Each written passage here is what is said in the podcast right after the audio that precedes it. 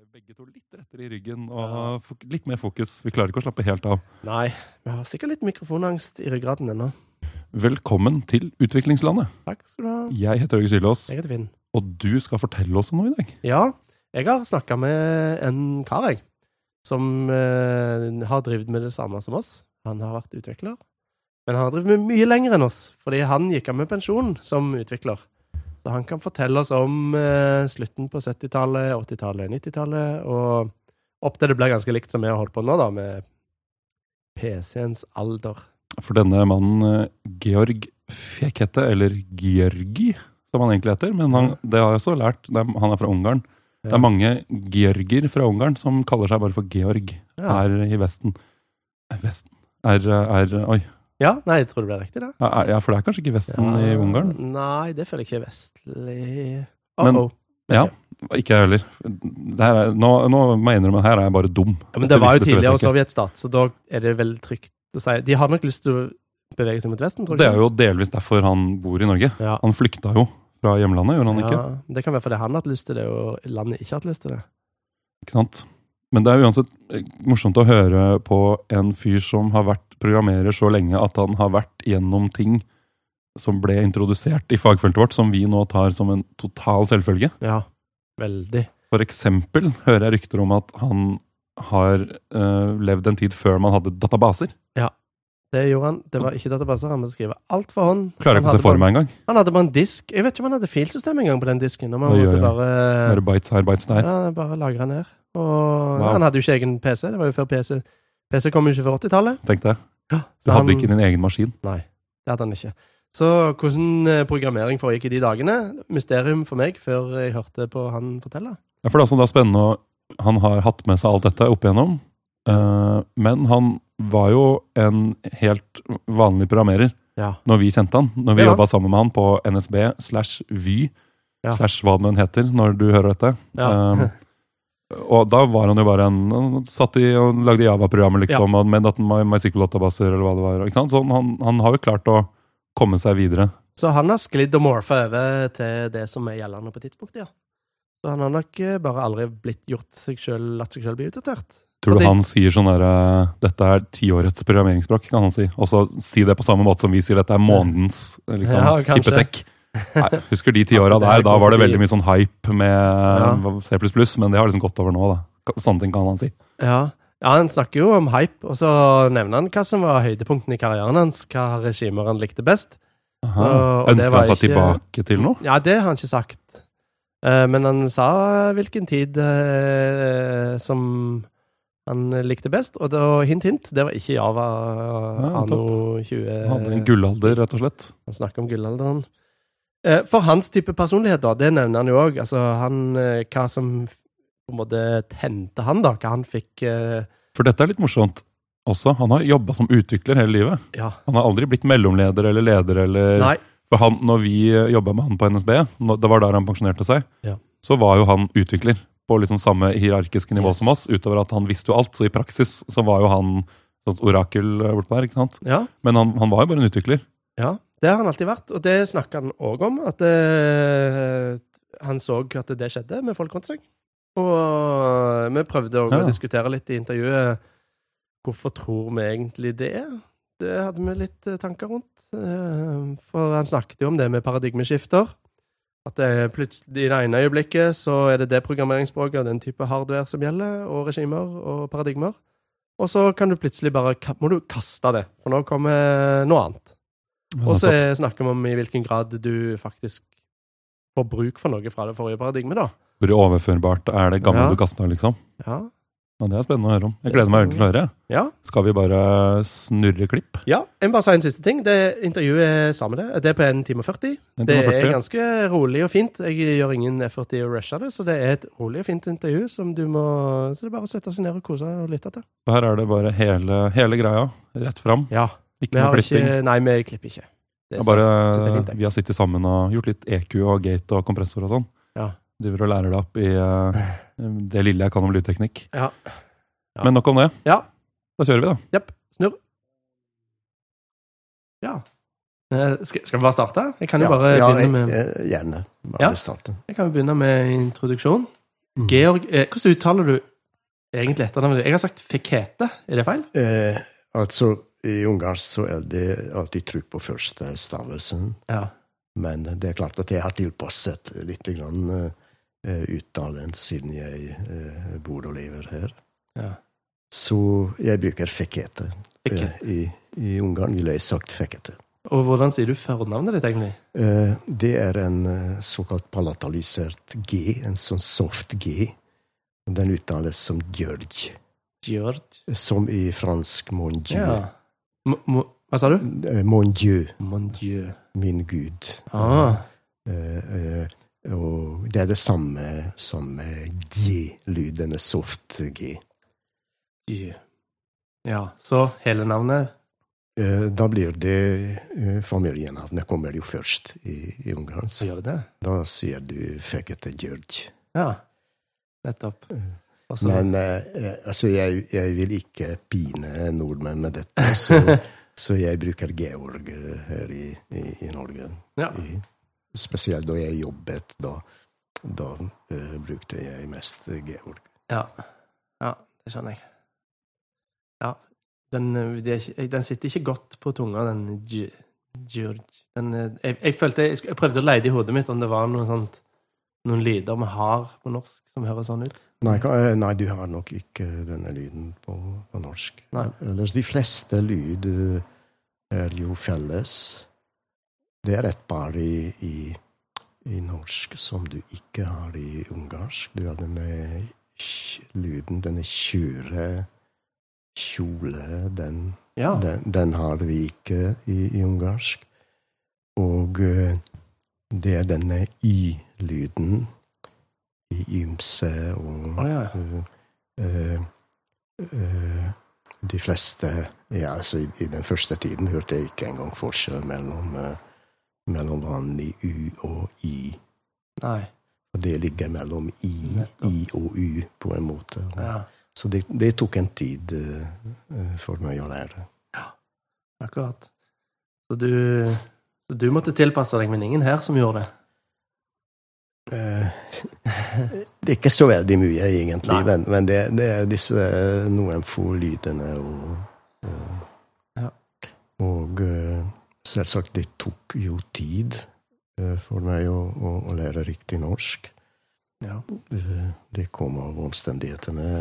Blant annet da jeg kom hit, så begynte jeg Jeg, jeg kom jo hit i 76. 17. mai, faktisk. Å ja. Eh, kom jeg. En strålende varm dag, eh, omtrent som, som nå. Ja, nå er det sol og blått. Eh, og eh, eh, så eh, jeg begynte å jobbe i september i et eh, verksted. Ja. Og eh, i et bilverksted, altså. Ja. Og eh, der eh, Så jeg hadde to eh, innfall til norsk, det norske språk. Det første er jo en del jugoslavere som jobbet i, i verkstedet, Jaha. som snakket ganske dårlig. Så du lærte av de? Eh, riktig. Og den andre var en, en eldre dame, norsk dame, som eh, jeg gikk hos for å, for å lære eh, norsk. Og hun snakket et erkenkonservativt eh, riksmål. Akkurat. Så det var disse to impulsene eh, som jeg fikk. Hun, eh, hun sa slike ting som sne og venninne og Mm. Eh, og eh, så seinere, eh, halvannet år etter, da jeg begynte å, eh, å studere på Blindern, så så folk eh, litt rart på meg med, med den gebrokne riksmål. Eh, Ja, det er en slags blanding. eh, ja. Ja. I tillegg så gikk jeg jo rundt med Morgenbladet under armen Ja. eh, i en tid da folk eh, helst leste eh, Klassekampen. Ja. På Blindern, i hvert fall. ja. Så det var litt, eh, litt morsomt. Men sånne ting ble jeg eh, oppmerksom på bare uh, seinere. Nettopp. Ja. Ja, du sa at du kom hit i 76 fra Ungarn, så det, da forklarte vi eh, Da vet vi hvorfor du har litt aksent. Jeg tenkte med en gang vi skulle starte en intervju, at hvis du starta rett på å fortelle om karrieren din, så var ikke det både Da visste ikke folk det. Men eh, ja, du, ja, du har jo en ganske kul Du forklarte jo Du begynte å jobbe i september, sa du. Ja. Eh, og da kom du i mai, så da hadde du noen måneder i sommeren der du ikke hadde noe jobb, eller bare fant fram? Eh, faktisk, vi hadde en del eh, eh, kontakter her i Norge, så faktisk jobbet vi allerede i, i sommeren Oh, ja. eh, på, eh, på Blindern.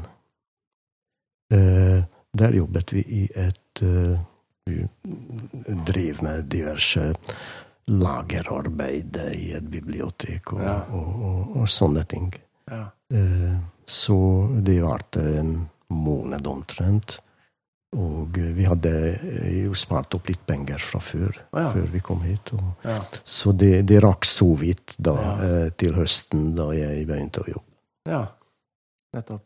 Men når begynte du Du nevnte jo du har nevnt det for meg, vi trenger ikke ta bruke så lang tid på oppbygging, fordi det er jo tekniske folk eh, som gjerne vil høre om eh, eh, kanskje programmering og For du har jo Du begynte jo å jobbe som programmerer på et tidspunkt. Uh, ja, jeg begynte å jobbe som konsulent etter en uh, fem, fem og et halvt års studie Ja. på Blindern, der jeg primært studerte matematikk, men også informatikk. Så det var en blanding, eh, to tredjedeler matematikk, en tredjedel informatikk. Riktig.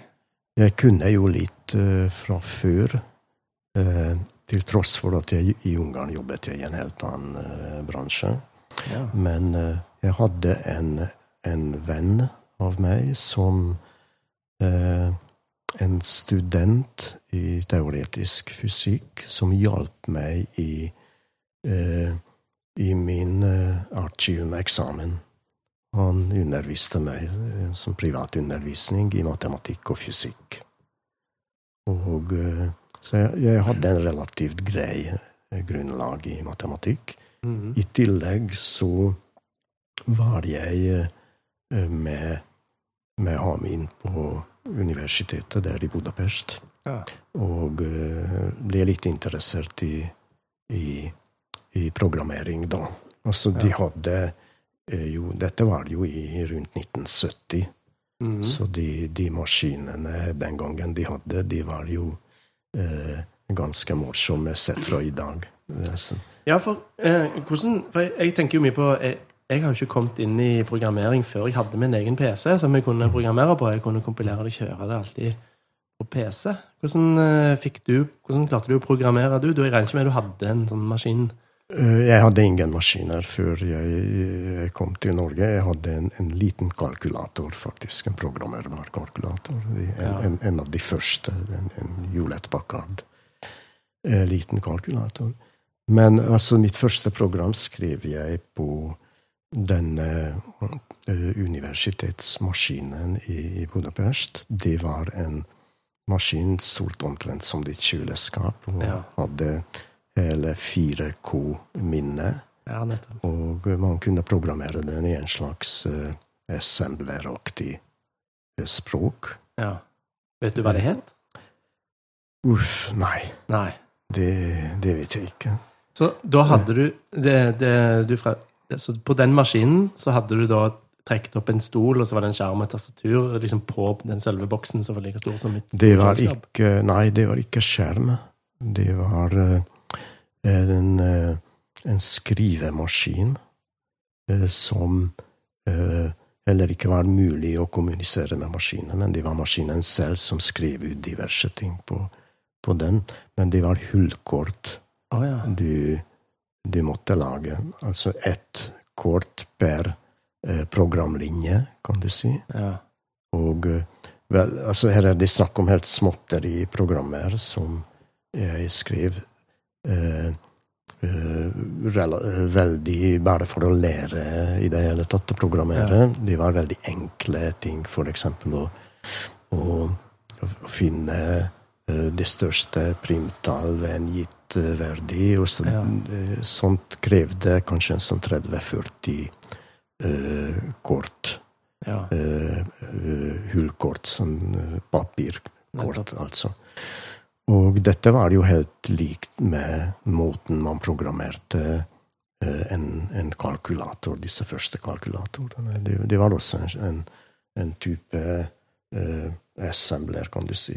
Jo, men eh, eh, i hodet mitt nå så er det en missing link, fordi du sier at det, var en skrivemaskin der, og den var ikke tilkobla maskinen, eller var den tilkobla store til, jo, jo, den var tilkoblet maskinen, men den skrev ut diverse output som den ville skrive ut selv. Men du kunne ikke skrive noe på den maskinen for å gi en kommando til maskinen. Men eh, så lagde du hullkortene på jeg, jeg Ja. ser ikke linken mellom at du lager kode i hullkort og mater det inn. Ja, nå var jeg jo Altså, jeg var jo en gjest der, så jeg, jeg hadde ikke full oversikt eh, over hva som skjedde. Det var et maskinrom der, der den egentlige store datamaskinen sto. Der fikk studentene jo ikke tilgang. Jeg var ikke engang student, jeg var jo en gjest Ah, ja. av en student. Ja. Og eh, så eh, en rekke ting ble håndtert da for meg. Så Ja. jeg Ærlig talt så vet jeg ikke alle mekanismer bak dette. Nei men- Nei. men, men et par ting merket jeg. eh, At hvordan den kommunikasjonen foregikk. Så det var disse operatørene, som de ble kalt, som betjente maskinen. Ja. De eh, hadde veldig god eh, eh, Veldig god trening, blant annet i å, i å avdekke uendelige loop og, og den type ting, ved å lytte til en liten høyttaler som var ved siden av, eh, av denne skrivemaskinen, denne konsollmaskinen. ja. Og eh, Fordi den bare gjorde det samme om og om igjen? Riktig. så Det var, en det var en sånn rytmisk lyd som Ja. gjentok seg hele tiden. Og det, det var litt, litt morsomt å observere. Så da printet den hullkort?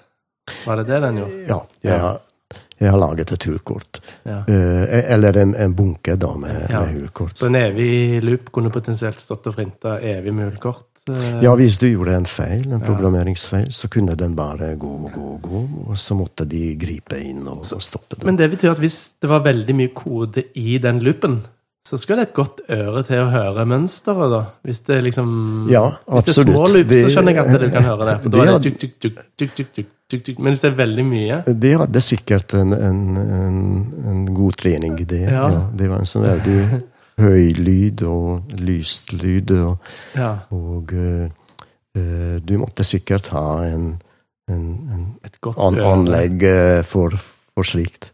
Nettopp. Og, eh, men det, dette var noen kortvarige ting. Altså det var uh, Dette foregikk en sommer, og eh, Ja. Eh, Det var ingen studenter der, så det var eh, eh, Man kunne sette seg og leke litt da. Okay. Ikke helt offisielt, kanskje. Men, men den hadde aldri noe skjerm. Eh, Det var ingenting du kunne se noen steder på denne maskinen. Eh, Du kunne jo du kunne programmere den til å skrive ut ting på denne skrivemaskinen. Så det var måten oh, ja, sånn, du kunne Så det var en printer? det, det var en printer, ja. Ja. Men hvorfor hadde den tastatur på seg? Uh, antagelig uh, Jeg vet kanskje ikke. Uh, Jeg aner ikke, Nei. faktisk. Det, det, så, det så ut som en vanlig skrivemaskin. Ja, nettopp. Ja. Kanskje det var bare den, en, Kanskje de bare brukte den som printer? Akkurat som hvis du vil Du kjøper en Eh. faksmaskin, eller du kjøpte en faksmaskin og faks var en ting, så var det jo gjerne telefonrør på den, kanskje, eller sånne ting, men det er ikke sikkert du noen brukte Ja, det. som sagt, jeg, jeg eh, kom aldri borti noe slikt seinere. Det vil si, eh, da jeg begynte på Blindern, så hadde vi en runde i den første måneden. Der viste de disse hultkortmaskinene, som også fantes her i, Ja. i, eh, i- på Blindern. Ja. Og, eh, men vi brukte den aldri. Nei. Eh, Så den, den ble bare var allerede Eh, gammeldags? eller? Eh, Jeg forsto det slik at eh, inntil nylig, til det tidspunkt, så var det i bruk. Det var en tid da Dette var det rundt 78. Høsten 78. Og da var det eh, omtrent etablert, eller var det kanskje bare ett år unna etablering av eh, eh, eh, informatikkfakultetet. Ja. Tidligere var det underlagt matematikk, og det var en, en sånn litt eh, eh, småskala eh, opplegg. Ja, hvilke maskiner var det som hadde blitt gjeldende da, siden de hullkortmaskinene hadde gått bort? Eh, altså, jeg eh, Den maskinen jeg jobbet eh, mest på som student, det var en dekk 10-maskin. Riktig. Digital eh, eh, 10-maskin, som seinere ble byttet ut med en dekk 20-maskin. Ok. Og eh, da Da var det jo en, eh, et terminalrom med bortimot 30 skjermer, der studenter kunne Ja. eh, sitte og, og jobbe. Og så var det satt opp en fem-seks printere med tastatur. Printere med tastatur igjen? Printere med tastatur igjen, ja. ja. Og eh, når du ikke fikk plass ved skjermen, eh, men de, eh, noen ganger så, så kunne du sette deg ved en printer og skrive de kommandoene der, og. Og så hadde jeg full historikk. eh, Så du satte deg ned og programmerte i blinde på denne tastaturet? med eh, eh, riktig. Jeg gjorde det. Det, var det ett trykk, og så kom det en bokstav? Eller skrev du masse ting, og så trykte du på noe? Så kom Nei, det, eh, du skrev en del kommandoer, det du ville, og eh, eh, enter. Ja.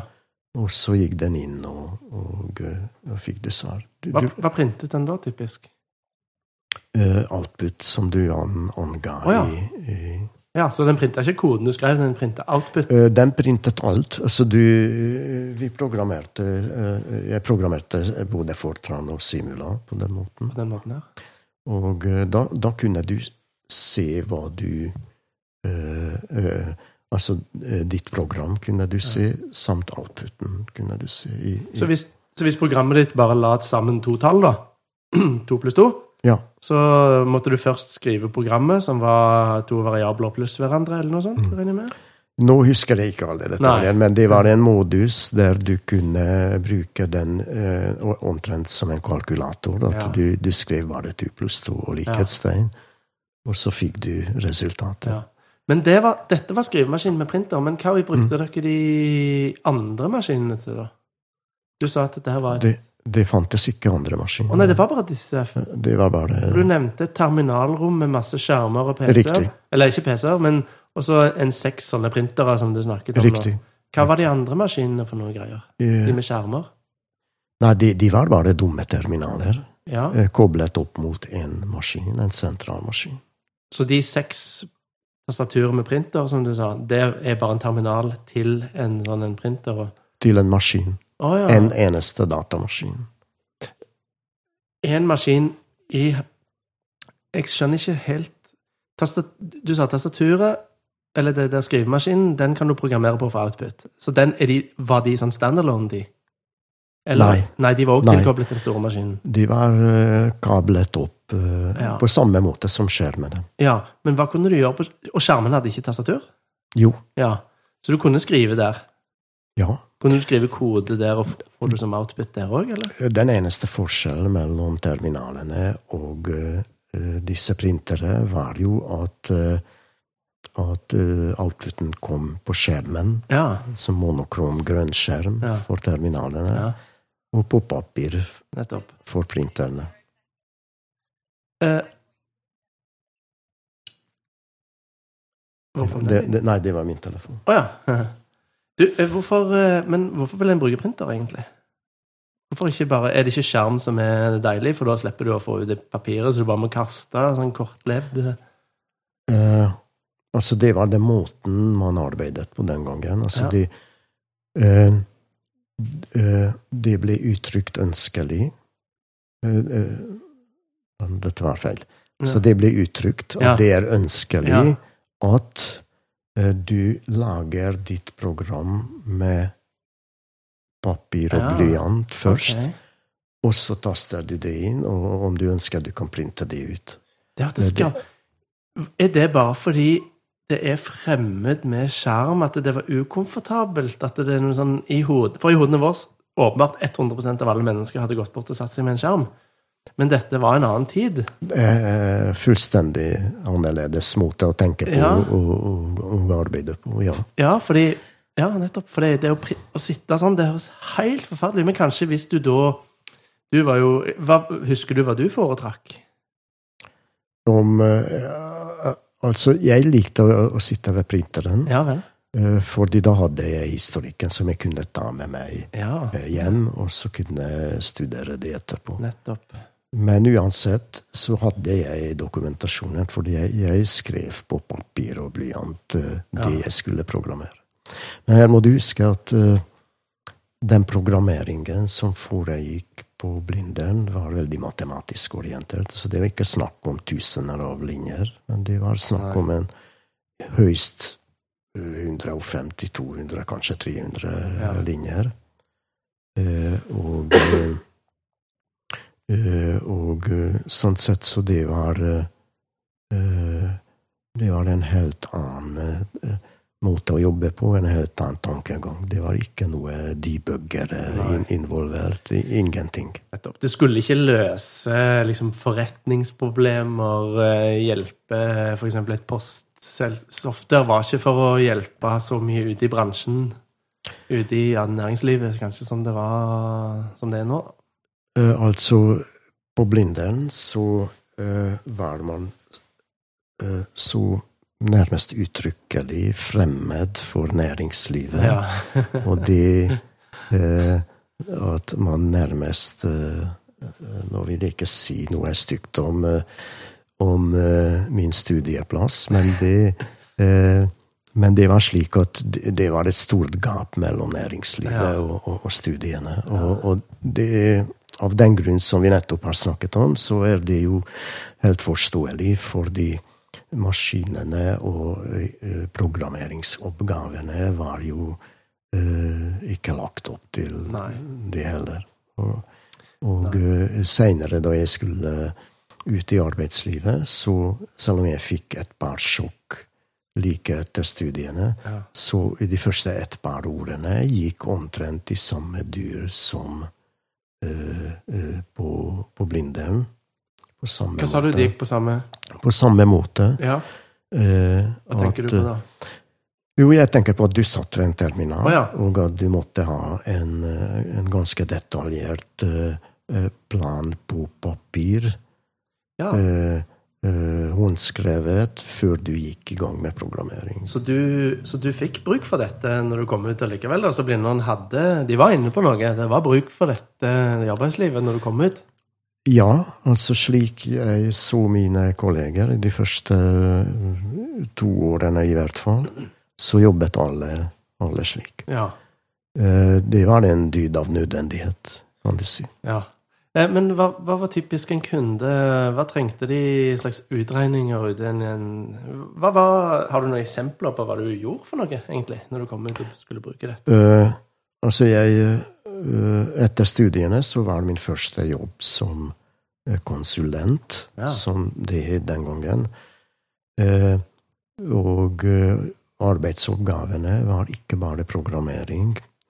Jeg var jo konsulent hos et firma som solgte datamaskiner. Ok. Eh, Wang het det.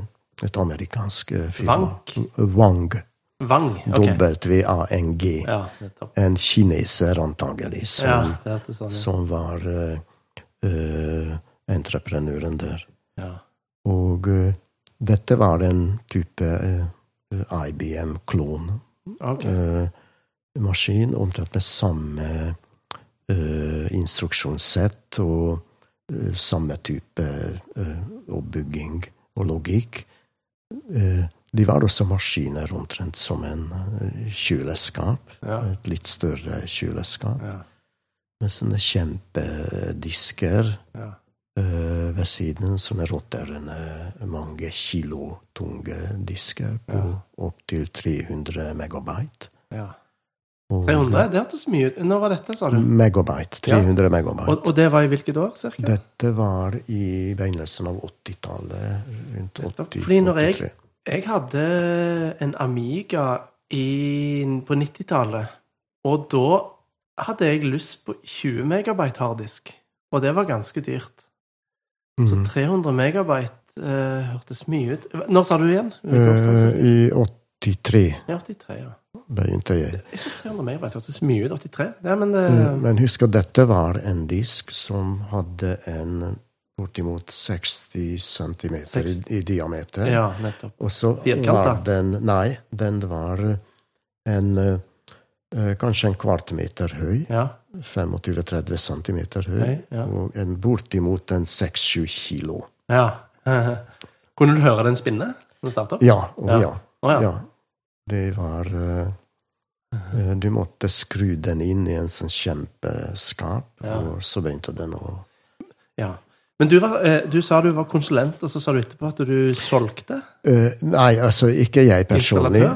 Men uh, det var dette firmaet som levde av å selge datamaskiner.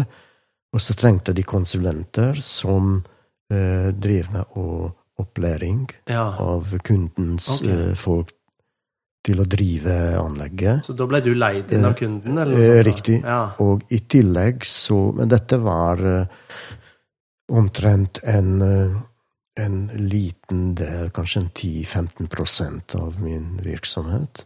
Den opplæringen? Også, den opplæringen. Og så var det kanskje en like stor andel som var sagstøtte. Ja. At idet en kunde dukket opp og skulle kjøpe en datamaskin og hadde tekniske spørsmål, Mm. så måtte du være der og, og, og, og svare. Ja. Og en bortimot ja, 60-70% av min tid var, var tilknyttet utvikling. Eller inkludert testing av diverse eh, standardprogramvare som skulle altså selges med disse maskinene. Okay. Og det var compilere eller, Ja. eller kunne være regnskapspakke og, og, og, og, slike ting. Nettopp. Og da solgte du dette her kjøleskapet, og da fikk de fikk, hva, hva fikk de for å kunne kompilere? Fikk de med en PC, eller fikk de med en terminal, sånn som du beskrev tidligere? Eller var det sånn skrivemaskin og printer og greier der òg, eller? Altså kunden selv Ja. eh, eh, kompilerte ingenting. Oh, nei, nei, nei. Det, de, var bare sluttbrukere. Ja.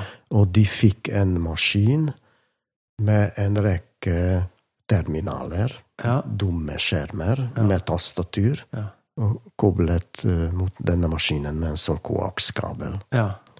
Eh, og that's it. Og da var det, sto det et program og kjørte som du hadde kompilert klar til dem, da, med noe Eh, både og. Altså maskinen kom jo operativsystemet og, og et Ja. par grunnleggende enkle programmer som tekstbehandling og, og lignende. Nettopp. Og resten eh, bestilte kunden fra oss, og vi, vi skrev de applikasjonene de måtte trenge. Nettopp. Så, du, så, så da, som uh, hardware-leverandør var òg en software-leverandør? Eh, bare i veldig begrenset grad. Altså eh, Ja. eh, Ja, når, det det, når det gjelder softwaren. Okay. Altså, den softwaren stort sett var tilstrekkelig til å drive maskinen. Tenker du på software som var en hyllevare? Ja. Ja, ok. Så det var ikke så mye du trengte å skrive sånn software-messig? Jo, jo, det er det jeg sier, at hyllevare, Ja. software som hyllevare, Ja. eh, fantes knapt. Å ja. Ja, ok. Det var som sagt et tekst, tekstbehandlingssystem. Ja. Uh, var stort sett det jeg kan komme på. ja, ok. Eh, Men de trengte noe som var skreddersydd til sin hva, hva var eksempel på en, eh, noe som de trengte, da? De som kjøpte fra Vang? eh, de Jeg skrev eh, veldig mye eh, eh, programmer i ren administrativ programvare, var dette. Ja. Eh, at de lagret diverse ordre som de tastet inn på filer. Ja. At de kunne skrive disse ut på en printer. ja. Litt seinere, et par år seinere, var det også snakk om å, å sende uh, eh, diverse dokumenter til andre steder. da uh, andre steder i landet. Da med, med samme type utstyr, selvsagt. Ja. Og da måtte jo de ha på det programmet som du hadde skrevet òg, da? På den. Ja, det, det måtte vi sk skrive for hånd selv. Programmet? Programmet, ja. For alt dette. Altså, det var ikke noe eh, Du hadde et, et filsystem til rådighet, Ja. og så hadde du en compiler til rådighet. Ja. Eh, det var eh, Vi brukte ikke debuggere heller den Nei. gangen. Altså, det Men var da- bare å, legge inn en stopp og, Ja. og så skrive ut eh, Nettopp. Printline, liksom. I skjermen. Ja. Ja. ja men det er jo en uh, debuggingsteknikk som brukes mye Mm. ennå, det. Men uh, man må ikke nedvurdere disse systemene av den grunn, for jeg syns at de var ekstremt finurlige, eh, disse operativsystemene som jeg, jeg jobbet med. Eh, Hva var det du likte? de, altså for det første, så Jeg nevnte dette eh, At jeg begynte arbeidet mitt med et sjokk. Mm. Og det knytter seg litt til dette at eh, første gang jeg så et skjermbilde i mitt liv, var da jeg sluttet eh, eh, studiene og, begynte å jobbe. Sa du ikke at dere hadde det maskinrommet med de skjermene? Ja, når, jeg sier skjermbilde, så Ja. tenker jeg på det som et konsept. At du på skjermen ser en sammenhengende, ja. logisk datastruktur. For eksempel, du ser en ordre på et eller annet. annet. ja, sånn, ja. Eh, og eh, eh, fordi under studiene så var dette fullstendig ignorert. Ja. Så du jobbet med eh, ja, den type programmering jeg drev med på Blindern, var jo for eksempel da multiprisere to kjempematriser. ja nettopp. Eh, og de, eh, Å, desimaler på pi, hæ? Desimaler på pi? ja, akkurat det, eh, det er det jeg ikke borti. Nei, det. Men, eh, men, men den type, Ja, det er den type ting vi, vi, vi drev med. Og da ga man fullstendig blaffen, selvsagt, i eh, hvordan eh, dette skulle se ut. Ja. Bare du printer det ut, og, og that's it. Det spilte ingen rolle eh, eh, hvordan eh. Og og så begynte jeg å jobbe, og da var jo dette konseptet totalt fremmed for meg. At, Ja. eh, at uh, uh, de hele hele foregikk i form av stående skjermbilder. Altså Altså mer komplette skjermbilder? komplette skjermbilder. Hadde de liksom tegna litt sånn ASCII-art-greier, og liksom gjort sånn at det var masse forskjellige tekstbokser inni der og sånt? Var det det som var mindblown? det- Det var, det var ASKI, selvsagt. Ja? Det, ikke noe grafisk skjerm. Men du hadde en eh, 80 ganger 24 eh, bokstaver, plasser på skjermen. 24, det tallet er kjent. Mm. Det tror jeg eh, Hvis du åpner vanlige Mm. editorer, Vim og Emax og disse her, tror jeg 80 ganger Mm. det, det sitter igjen, det. Riktig. Ja. Og hver eneste karakterplass kunne da programmeres til å være åpen eller lukket. Ja.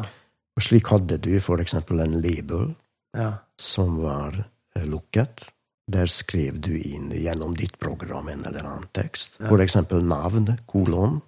ja. Og så kom det et åpent felt der Nettopp. kunden kunne taste inn Nettopp. noe. Kunden, og det var de som da eier En den maskinen? Riktig. Ja. Sluttkunden, Ja. sluttbrukere, ja. Eh, kunne da eh, få opp disse skjermbildene arrangert i en gitt sekvens, og så Ja. taste inn det de, det de skulle. Eh, Faktisk, operativsystemet var jo også lagt opp slik. Og det de finurlige ved det var at disse skjermbildene var parametrisert. Ok. Og at for eksempel hvis du tar et backup-program, Mm. Som jo var en standardprogramvare Ja, det trengte ble, du ikke skrive sjøl. eh, Nei. Men jeg lærte veldig mye ved å studere den. At uh, den hadde en rekke skjermbilder. Ja. Og uh, du kunne ta programmatisk backup. Vi skrev Ja. jo uh, også masse slike programmer. ja. som da tok i bruk eh, dette grunnleggende backup-programmet som blir levert med maskinen, Ja. men på en slik måte at eh, de, la oss si, 15 skjermbildene som lå i Ja. det opprinnelige eh, maskinære backup-programmet, eh, kunne du selv overstyre og programmere. At hvis du hadde informasjon å fylle ut på de enkelte åpne feltene, eller til og med åpne skjermbildene, så kunne du programmatisk fylle dem ut og lukke dem, og, og, eventuelt ikke å vise dem for kunden engang, hvis, hvis du altså skulle skrive en interaktiv eh, backup-rutine. Så du måtte gå via skjermbildene for å få tak i dataene? Det det Eh, eh, riktig. Men altså Skillet mellom en, en interaktiv applikasjon Ja. og en bakgrunnsjobb var jo at hvis du undertrykte alle skjønnbildene, Ja. forsynte de åpne feltene med data programmatisk, Ja. så kom ikke de skjønnbildene før. Nei, nettopp. Du måtte liksom gå via den samme koden og de samme begrepene. Det var liksom et det høres ut som du hadde knytta GUI veldig tett opp til dataene, da. På en måte. Riktig. Bortsett fra at det ikke var GUI i, den Nei, eller- Det var ikke grafisk, men, men karakterbasert. Ja, men, nettopp. nettopp. Men hadde, sa du at du hadde programmatisk Hadde du kod, kildekoden til backup-programmene og til tekstbehandlingsprogrammene? Eh, Nei, men du kalte uh, backup-programmet som en rutine okay. fra et, eh, et bibliotek som maskinen hadde. Ja, så du hadde litt sånn rammeverksgreier. Ja, eh, Fordi det tenkte jeg litt på når du snakket om at det på Blindern så var det maks 150 linjer å regne ut eh, ganger to matriser og sånn. Det her må jo ha begynt å bli ganske mye kildekode? Disse skjermbildene her. Eh, ja, ja, Ja. eh, selvsagt. Nå skjønte jeg ikke helt hvordan du dro inn dette med, med den måten vi arbeidet på Blindern. eh, der var ikke skjermbilder involvert i det hele tatt, men, men alt jo fløy vekk fra, fra skjermen. Altså du skrev løpende, Ja. og den outputen fra maskinen kom også løpende, og den bare scrollet vekk i, oh, ja. i, i skjermen din. Den bare scrolla litt output, og så gikk livet videre. Den, den liksom bare Den på en måte bare dumpa det som gikk igjennom en CPU, eller noe sånt? Enda. Eh, riktig. ja, Omtrent som du, når du åpner i Linux en, en command eh, ja, eh, linjebasert. Riktig. Det, ja. det, det er den eneste måten Så det er ikke designa for å være et brukergrensesnitt? Nei. Det er mer bare output fra maskinen som kommer eh? Riktig. riktig. Okay. Men altså, da jeg begynte å jobbe, disse vangmaskinene var Ja. jo designet nettopp slik. Men karakterbasert. Ja, men de tok mer hensyn til brukeren, så de kunne vise grensesnitt, og måtte ikke bare Det var ikke bare maskin-output som fløy liksom ut. Eh, Riktig. Så dette var ganske annerledes maskiner, da, egentlig. Ja. Ja. Ja. Ganske mye mer moderne. Riktig. Ja. Og eh, Men eh, det gikk jo fort å, å lære det. Det operativsystemet. Eh, Jeg begynte i eh, å, å jobbe en mandag, og neste mandag var jeg allerede sendt ut og, og, for å drive med opplæring eh, eh, hos kunden. Ja. Eh, eh, det Dette er en av de aspektene som egentlig gjør eh, eh, konsulentvirksomheten litt slitsom. At du, du er alltid solgt ut på jobber der du egentlig kan kanskje lite grann, og, og så må du lære resten underveis. Og det, det er litt kjipt når du underviser andre, da. Ja. Men, men, men det gikk stort sett bra. Ja, For stort sett så kunne de enda mindre, kanskje. De var ekstra, ofte, ekstremt nervøse, Ja. og, eh, og eh, stort sett gikk det alltid bra. Jo, men når du solgte en maskin til du, som Vi snakker fremdeles om disse Wang-maskinene. Ja, ja. Eh, men hadde de programmerere på, på, hos kunden? Nei. Eh, Nei, sant? Nei, så hva kunne de egentlig? De kunne jo ikke nesten teste din kunnskap engang, da. Nei, men allikevel, et par stykker måtte læres opp i å eh, kunne drive maskinen. Ja. Altså ta backup og, Ja.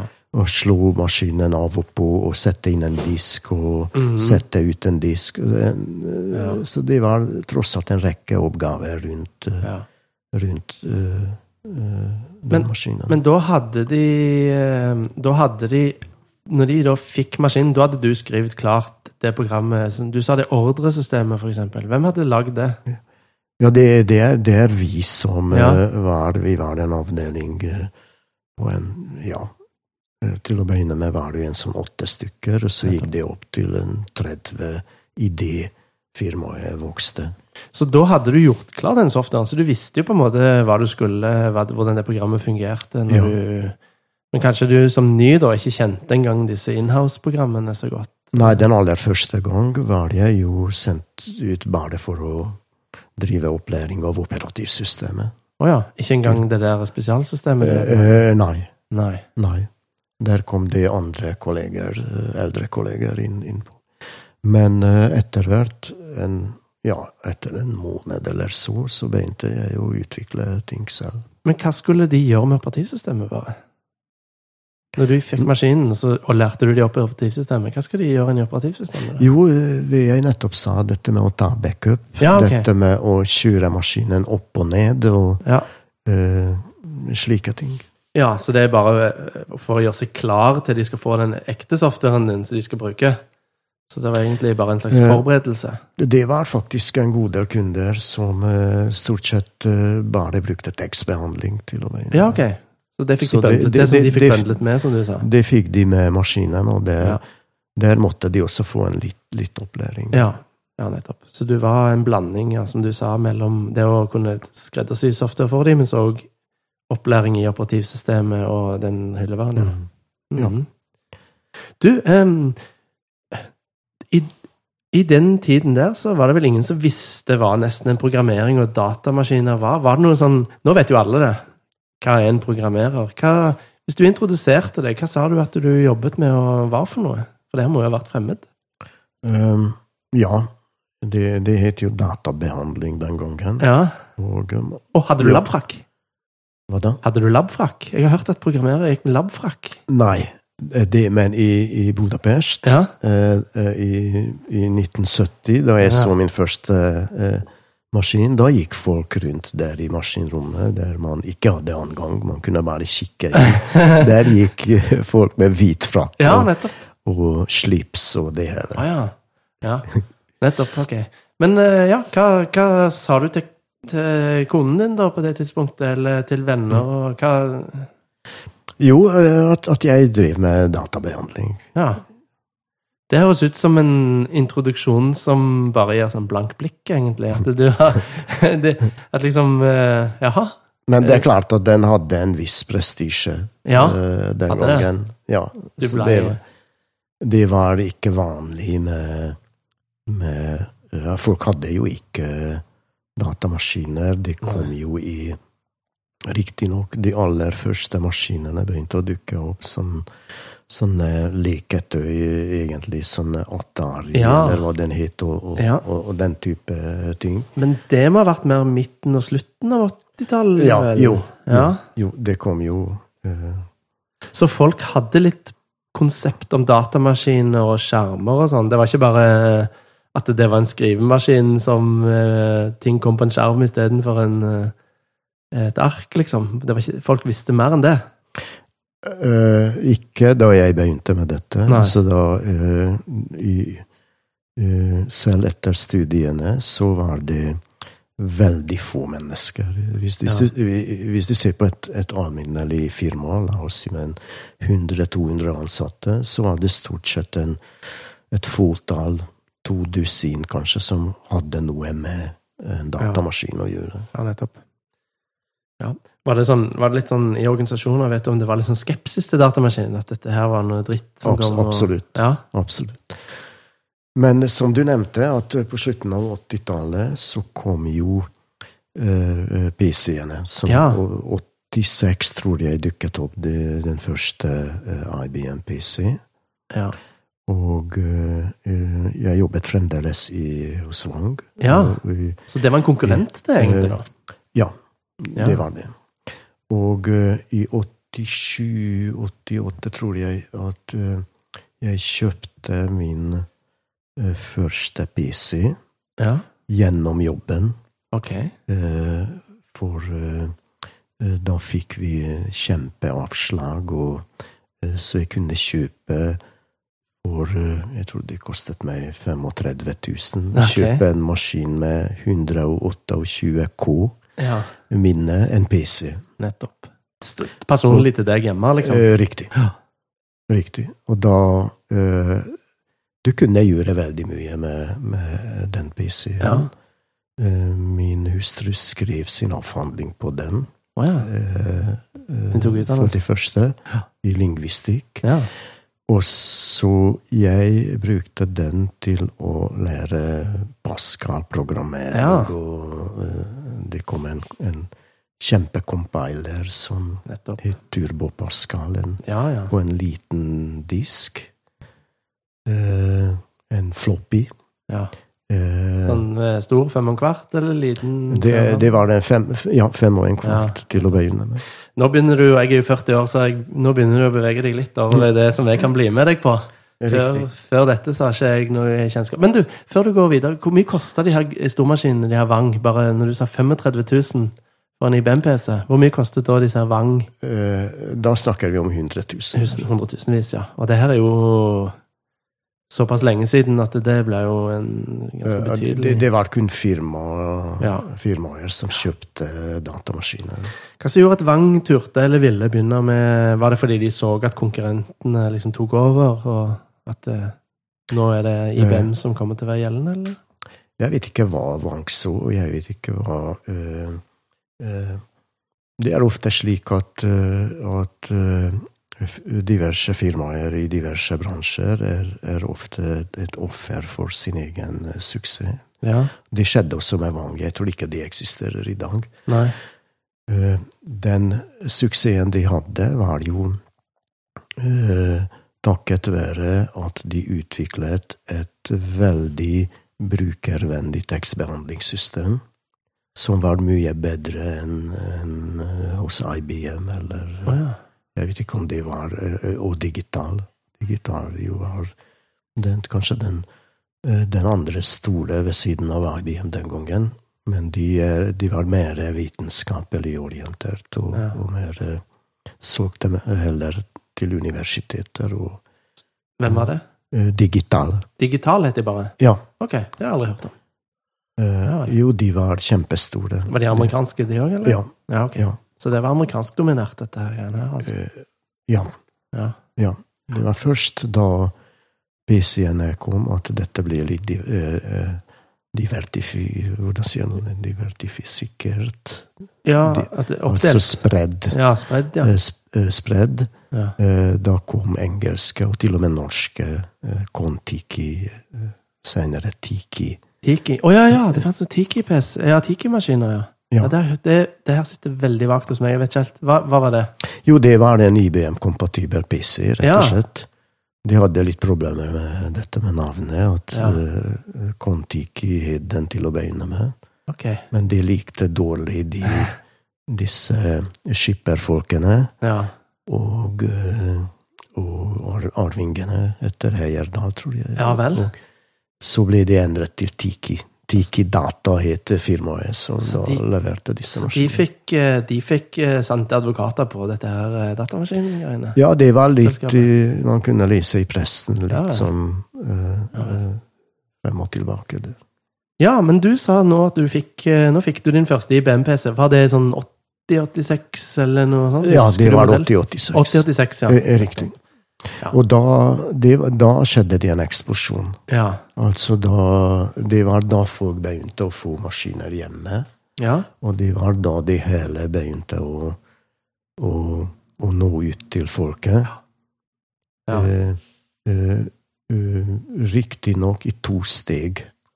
Den virkelig store revolusjonen kom først med Windows. ja, det husker jeg òg. Eh, fordi til å begynne med så gadd ikke folk eh, eh, å lære seg DOS og, og diverse kommandoer. Nei. Og eh, kun relativt teknologiinteresserte kjøpte da, Ja. da datamaskiner. Altså deg. Ja. Ja. Men da Men eh, i allerede i Vang, da begynte du å skrive software for IBM, eh, IBM-PC, eller? Eh, dette, var, dette var av egen interesse. Ja, ja. Altså i, i hos Vang så var det bare å tute og kjøre med minimaskinen Ja. og, og disse mainframe-maskinene. Hva var det du sa de het? Den siste het et eller annet med 20? Uh, nei, det var, det var digital maskin. Denne Å, ja. dekk, dekk 10 og dekk 20. Det var ikke Vang. Det Å, nei, nei, okay. nei, det var på blinde. Ja, det var det, ja. Ok. Ja. Ja, nettopp. Eh, Men eh, Så de Vang klarte ikke å tilpasse seg, og de, de nei, som sagt, de var, de var offer for sin Ja. egen suksess. Og de, de solgte som hakka møkk, som Ja. det heter. Og, og, Helt de eh, tom for møkk, eller helt til alle ville ha noe annet og de, de De trodde først at de bare smilte da disse PC-ene kom. De var jo Ja. så svake og skrøpelige og, Dårlig og, teksteditor. og, og u, uinteressante. Og, Ja. og uh, Det er farlig. Uh, Så uh, Men som sakte begynte dette å endre seg, og, Mm. og, men det var en, en interessant da, tid. Det var den første av av, den, eh, av det teknologiskiftet som jeg opplevde i min 35-årige karriere Ja. som fem-seks ganger. Ja. Nemlig at det du kunne fra før Ja. eh, i dette faget og om dette faget, ble jo totalt foreldet og ubrukelig etter fire-fem år. Nettopp. Så du sa at det har skjedd med deg en fem-seks ganger i løpet av Eh, hele karrieren din? Eh, Ja. Ja, for nå er du blitt pensjonist, det glemte vi å si innledningsvis. Så det er derfor det er litt spennende å, å snakke med deg, Georg, syns jeg, for, eh, for kanalen vår. er jo at du er den eneste jeg kjenner som har gått av med pensjon og har, kan fortelle litt om dette. For det, det har jo på en måte ikke skjedd meg. Jeg har jobba nå i eh, Siden jeg ble ferdig på skolen, og nå er jeg 40. og jeg det var jo PC fra starten, så det har på en måte endra seg litt lite, selv om jeg starta med liksom Delphi, som er fra Pascal, mm. som du sier. Derfor jeg kjente det igjen. Men det har liksom ikke blitt sånne kjempeskifter. Da kompilerer jeg jo exe-filer og sendte exe-filer til kunder. Men det var ikke så Jeg vet ikke. Nå har det jo blitt web. Mm. Så nå er det jo litt Det er jo en, et slags paradigmeskifte, det. Men det skjedde så gradvis og fint. Så ja.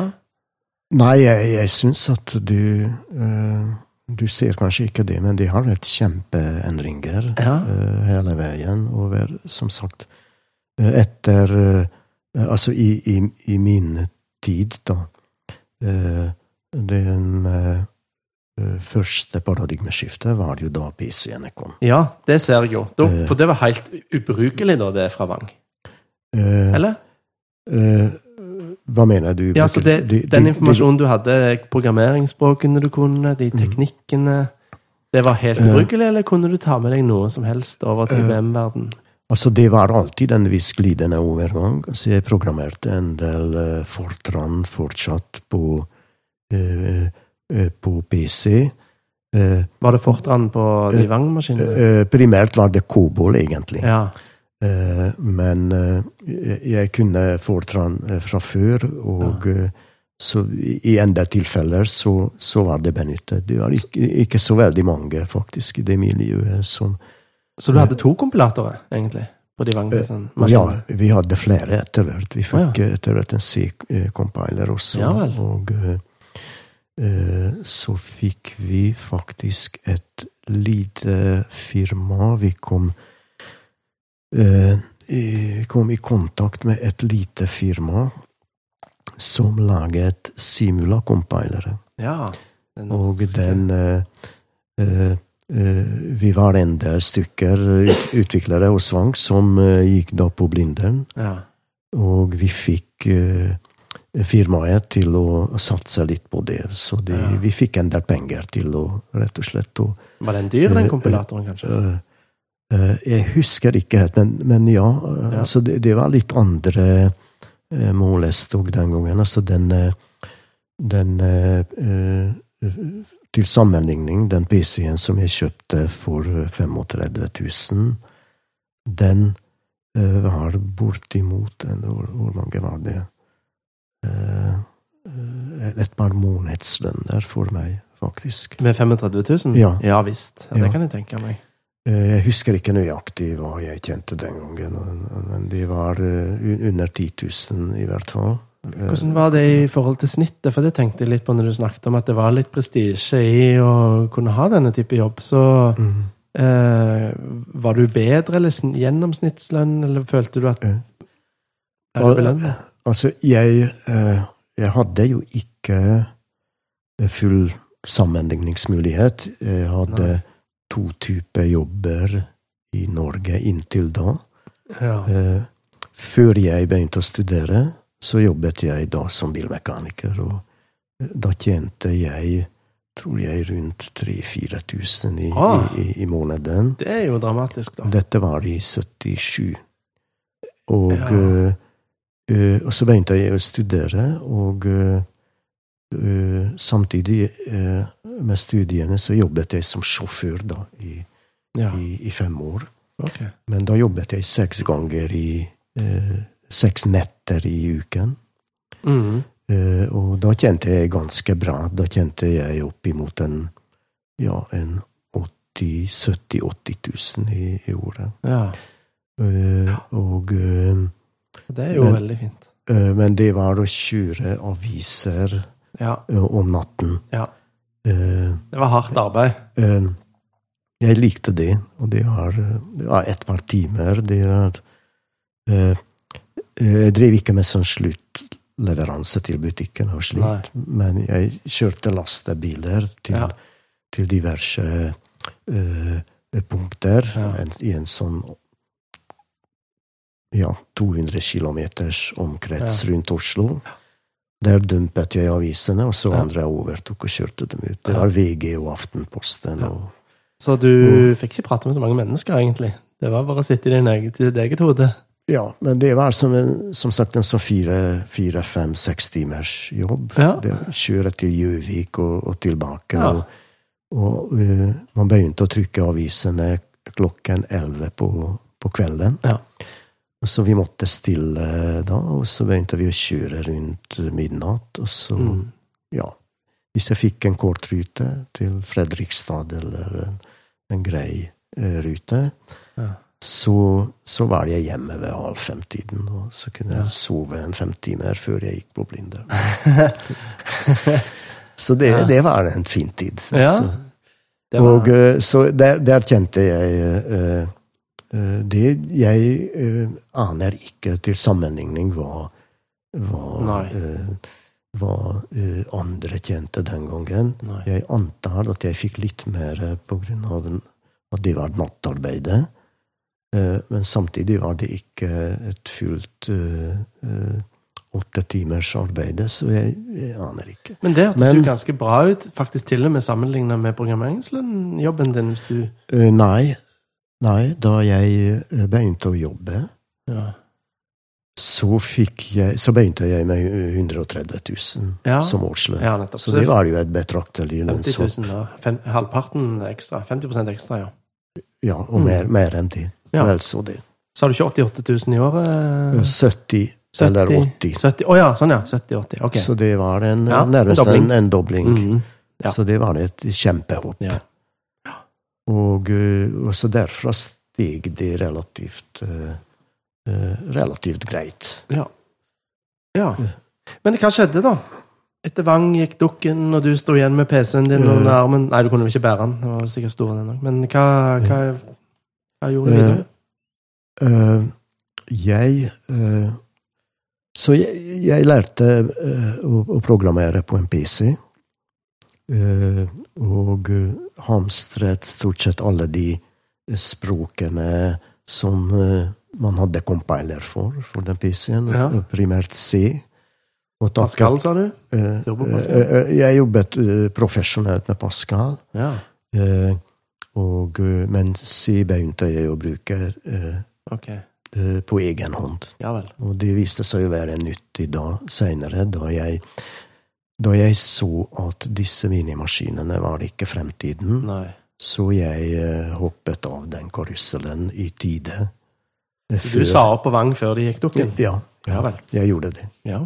Det var veldig få som kunne eh, hanskes med en PC den gangen. ja. Som sagt, mine eldre kolleger som var for så vidt racere på koboprogrammering på, på de maskinene, og de var kjempegode. Ja.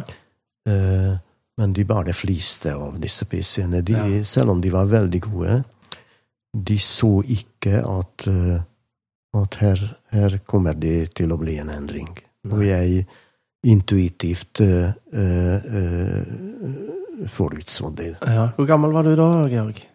For dette var i Jeg- 83, var det du sa? Riktig. Jeg var rundt et par og 30. Ja. Altså eh, 32-33.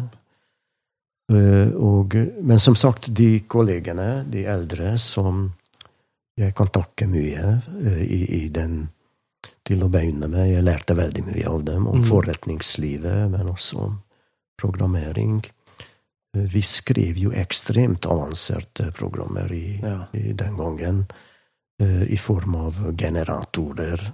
At disse repeterende oppgavene som vi hadde, ja. skrev vi programmer for, som skrev programmene for Jaha. oss.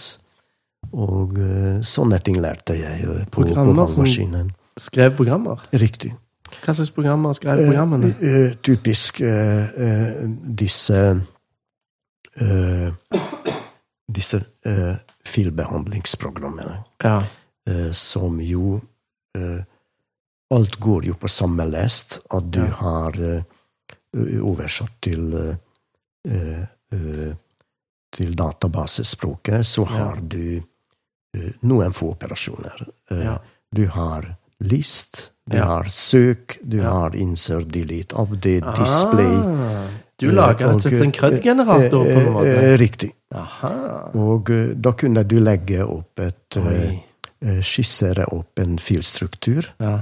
og så den generatoren, den, eh, den skrev resten for deg. Da. Og dette jobbet eh, vi et par år med, og Ja. forfinet hele tiden, for å rett og slett vinne tid ja. ja, utviklingstid. ja. Eh, Hvis noen bare skulle ha ett GUI, da, som bare lagret ned noen felter, så om det var et pakkesystem Mm. som skulle søke opp Det er jo veldig, så veldig sånn generell databehandling, egentlig. eh, Nettopp. Ja. Mm. Nettopp.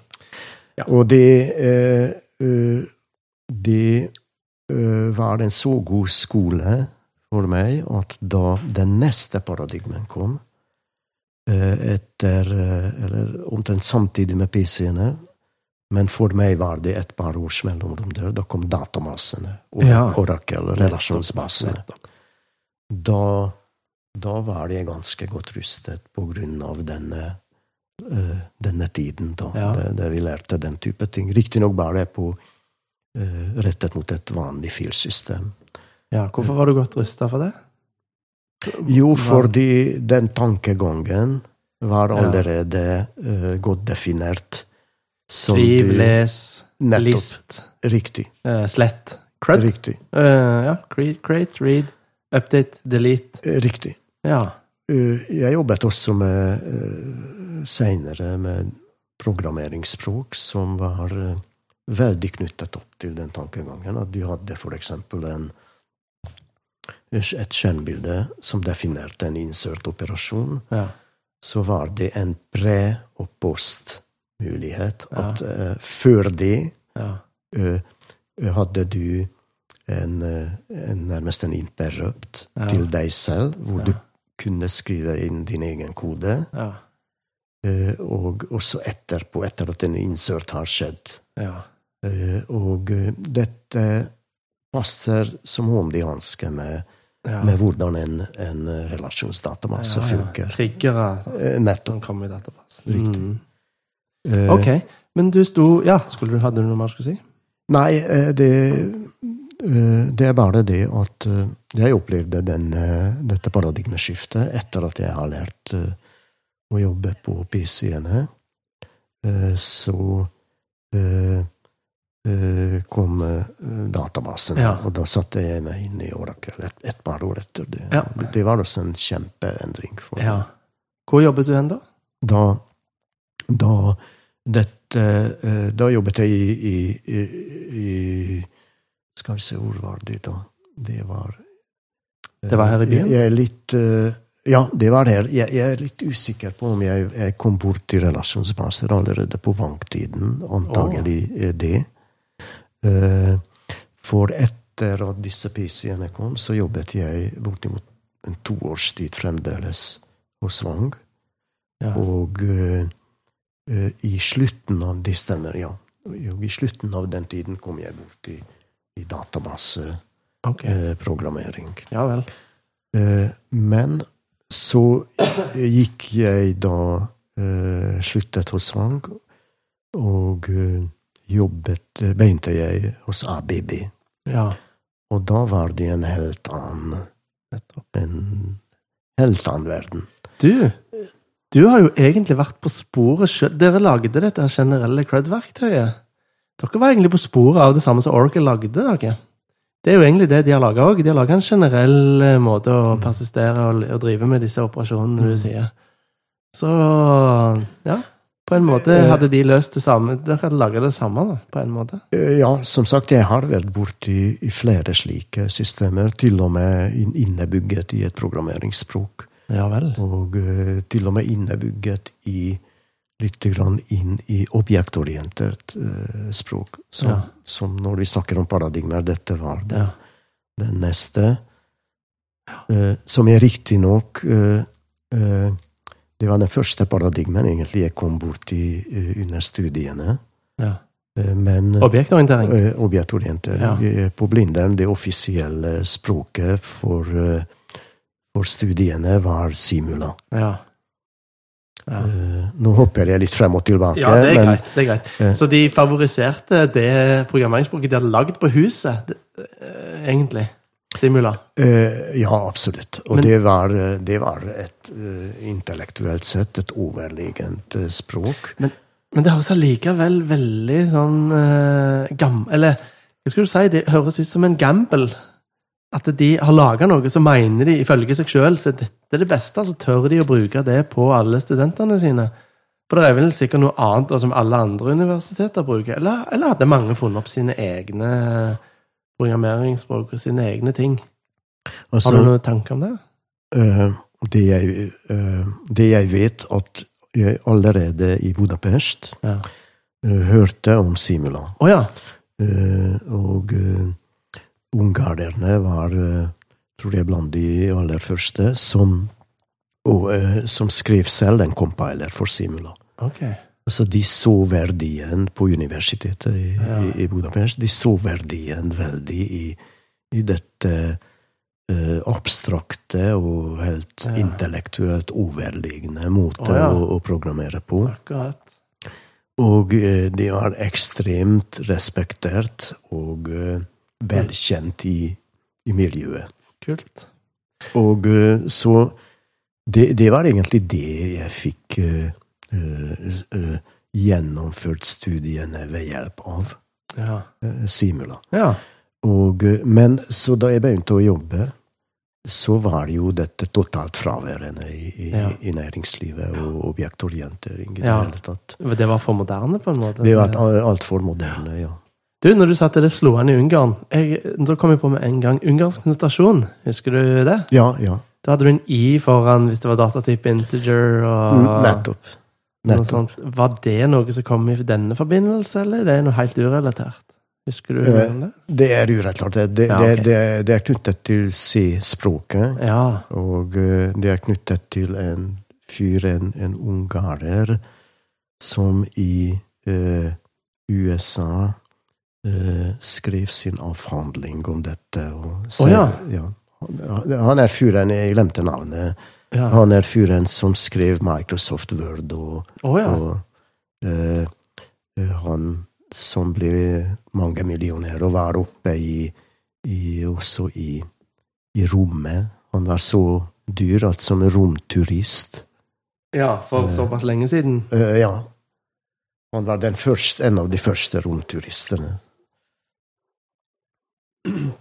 Ja, ok, Så det var en en eller annen fyr som hadde funnet det opp skikkelig. Det var ikke, For for meg så bare fikk jeg med meg at noen gjør det, gjorde det allerede i, i Når jeg holdt med Pascal. Så var det noen som hadde med den greia der. Så for meg så var det bare noe som noen gjorde. Jeg visste ikke at det Nei, det var en avhandling. En, eh, en, eh, en masteravhandling, tror jeg.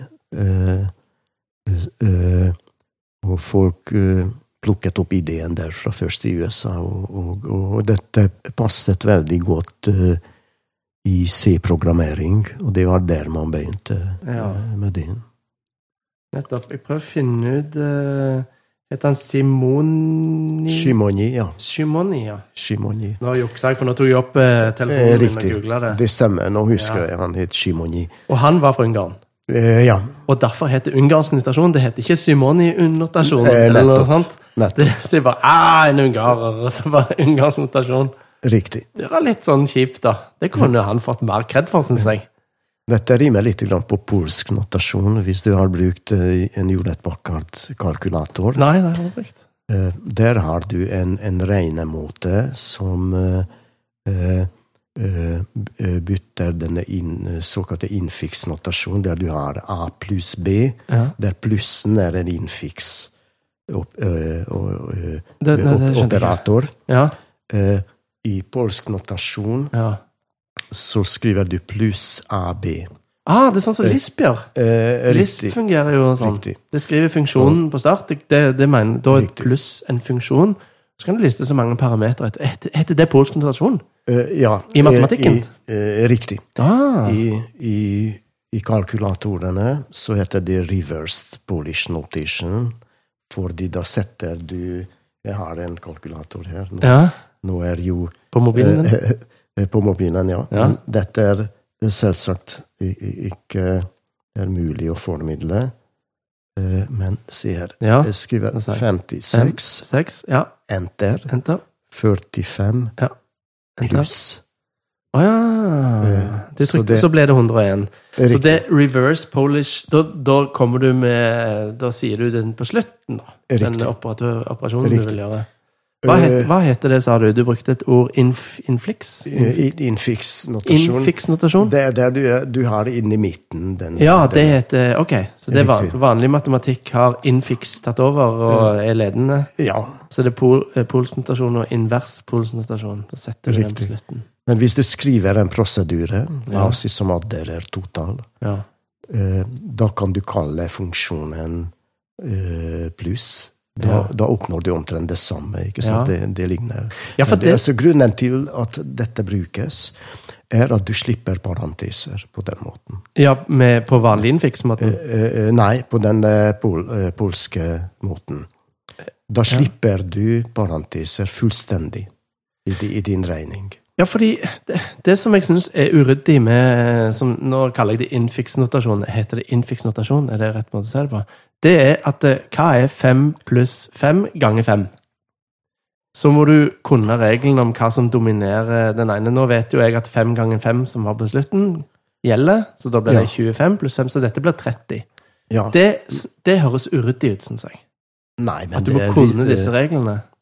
Nei, men det er veldefinert. Og det er å gange og, og dele. Det, er, Ja. det går foran eh, pluss og minus. Men da syns jeg det høres ryddigere ut med polsk notasjon og parenteser, på en måte. For da sier du først fem ganger fem eh, Da sier du først gange fem-fem, og så har du en parentes rundt det. Og så står det en pluss fem og rapper rundt det igjen. Da skjønner du. Da er det ingenting å misforstå. Men eh, du trenger poenget er at eh, med den notasjonen og du slipper å ha parenteser. Ja. Fordi eh, du kan Men da, da virker det slik at hvis du har en, en, en ligning, da begynner du ikke forfra. Så Nei. da går du ikke fra venstre til høyre, men du må, du må finne ut hvor i midten du griper inn og begynner, og, for å unngå parenteser. ja. Men, men eh, ikke det uryddig? eh, eh, Nei, jeg har brukt det i 40 år Ja. eh, på den måten, og Ja, ja. Du, du blir vant til det, Jo og det, det er mye raskere å skrive. Jeg har jo vokst opp med det, og det er jo det jeg har hatt på skolen. Jeg bare kjenner at eh, Mm. det var et eller annet deilig med parentesene, for da slipper du det som du sier. da. Du må gå inn Mm. og dissektere basert på noen regler. Allerede fra så enkelt nivå så har du noen regler du må ha i hodet. Mens Mm. det andre så må du ikke ha noen regler i hodet, men det blir kanskje styggere med parentesene, som du sier. Ja. Men uh, selv den infiksnotasjonen har også eh, sine fordeler når vi snakker om programmering. Fordi i C++ så har du den, eh, denne, denne muligheten som heter operator, eh, operator-overloading. Ja. Der du omdefinerer plusstegnet ja. til noe annet. Du bare skriver din egen eh, addering, ad- addisjon. Og eh, det er selvsagt litt farlig. eh, Ja, ja. eh, Det det litt vanskeligere å lese koden Mm. for den utenforstående. Men den er elegant, hvis Ja. du i mange måter Hvis gjort riktig. ja, Ja. For det gir ikke mening alltid For det, jeg tror operatoverloading er noe som Jeg tror det har gått av måten. Jeg tror ikke noen driver så mye med det, for det er ikke alltid de Hva er person A pluss person B? Hva skal det være i objektorientering, da? Så hva, hva er det du Om du kanskje forvirrer deg sjøl litt, at du går, kan gå litt bort? Jeg har ingen god erfaring med det, i hvert fall. Jeg har aldri sett det Nei. brukes Nei. Ut, utenom disse Ja. studiesirklene. Men eh, mer fascinerende er det, og, Ja. og elegant er det. Enig, og jeg liker at det fins. For jeg skjønner at det har vært et eksperiment, og så har de slengt ut dette, og dette går an, og så kanskje de Kanskje liksom Historien med språk er jo på en måte en slags sånn en eh, evolusjon, da. Der liksom eh, ting blir eh, ikke brukt, og så sages det av, og så går det videre. Så det som står igjen nå, forhåpentligvis, er liksom det eh, som har overlevd evolusjonen, da. Men altså, det fins områder der det er veldig legitimt og, og nyttig å bruke. I, matematikk, ikke minst. Altså, det, Operatoverloading. ja, Ja. altså hvis du snakker om uh, uh, to matriser som skulle adderes Når du skriver uh, matematisk ligning, der skriver du på samme måte. Stor, stor A pluss stor B, der A og B er definert som matriser. Det, det er en type overloading, fordi der, der betyr pluss noe helt annet enn en addering av Ja. to, to eh, enkle tall. Ja, hva betyr det? Uh, jo, at du adderer uh, element for element, Ja. tilsvarende element To, i, i altså to matriser. matriser? Ja. Ja. Men du ønsker å legge de sammen, men det betyr ikke addering. Fordi to matriser En matrise er en todimensjonal. Riktig. Ja. Så det er data eh, begge veier. Altså Ja. eh, kolonne og rader. Nettopp. Ja. Så hva betyr det å legge tarmen, eh, sammen pluss mellom to matriser? Betyr det bare å legge alle elementer på punkt 1,1 sammen med 1,1 på samme sted? Riktig. Ok. riktig. Det forutsetter selvsagt at dimensjonene stemmer. Matcher, Ja. Så Match. da står du igjen med en tredje Så da, får du, så da har du operatoroverloada den plussen, sånn at den kan håndtere å få inn en matrise? Riktig. Ja. Det, ok, dette skjønner jeg. Det skjønner jeg. Mm, kult. Ja. Hvor var vi? Så Vi- vi, var ved ABB. Og var vi. der, der kom jeg bort i en helt annen verden, Ja. som kanskje var den mest interessante i mitt, i mitt yrkesliv. I den forstand at uh, passet best min personlighet. Ja. At uh, sanntidsprogrammering, ja. Uh, uh, mikrokontrollere Å, så gøy. der du har et eh, ekstremt begrenset uh, lagringsområde for din kode og for Ja. din data.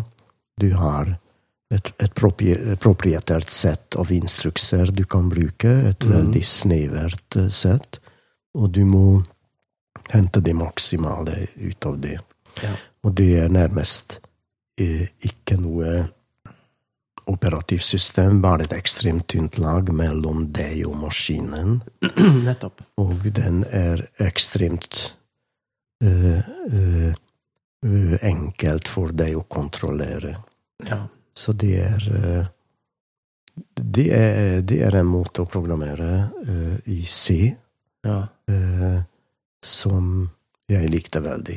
Så da programmerte du ikke for PC for PC sin del? Du lagde ikke skjermbilder og greier på PC-en? Du satt og programmerte mikrokontrollere som skulle brukes i noe hardware? Jeg uh, gjorde begge deler. Å ja. Altså, jeg uh, uh, faktisk Det arbeidet jeg gjorde der da, for jeg gikk på enten på en Unix-boks eller på, på PC.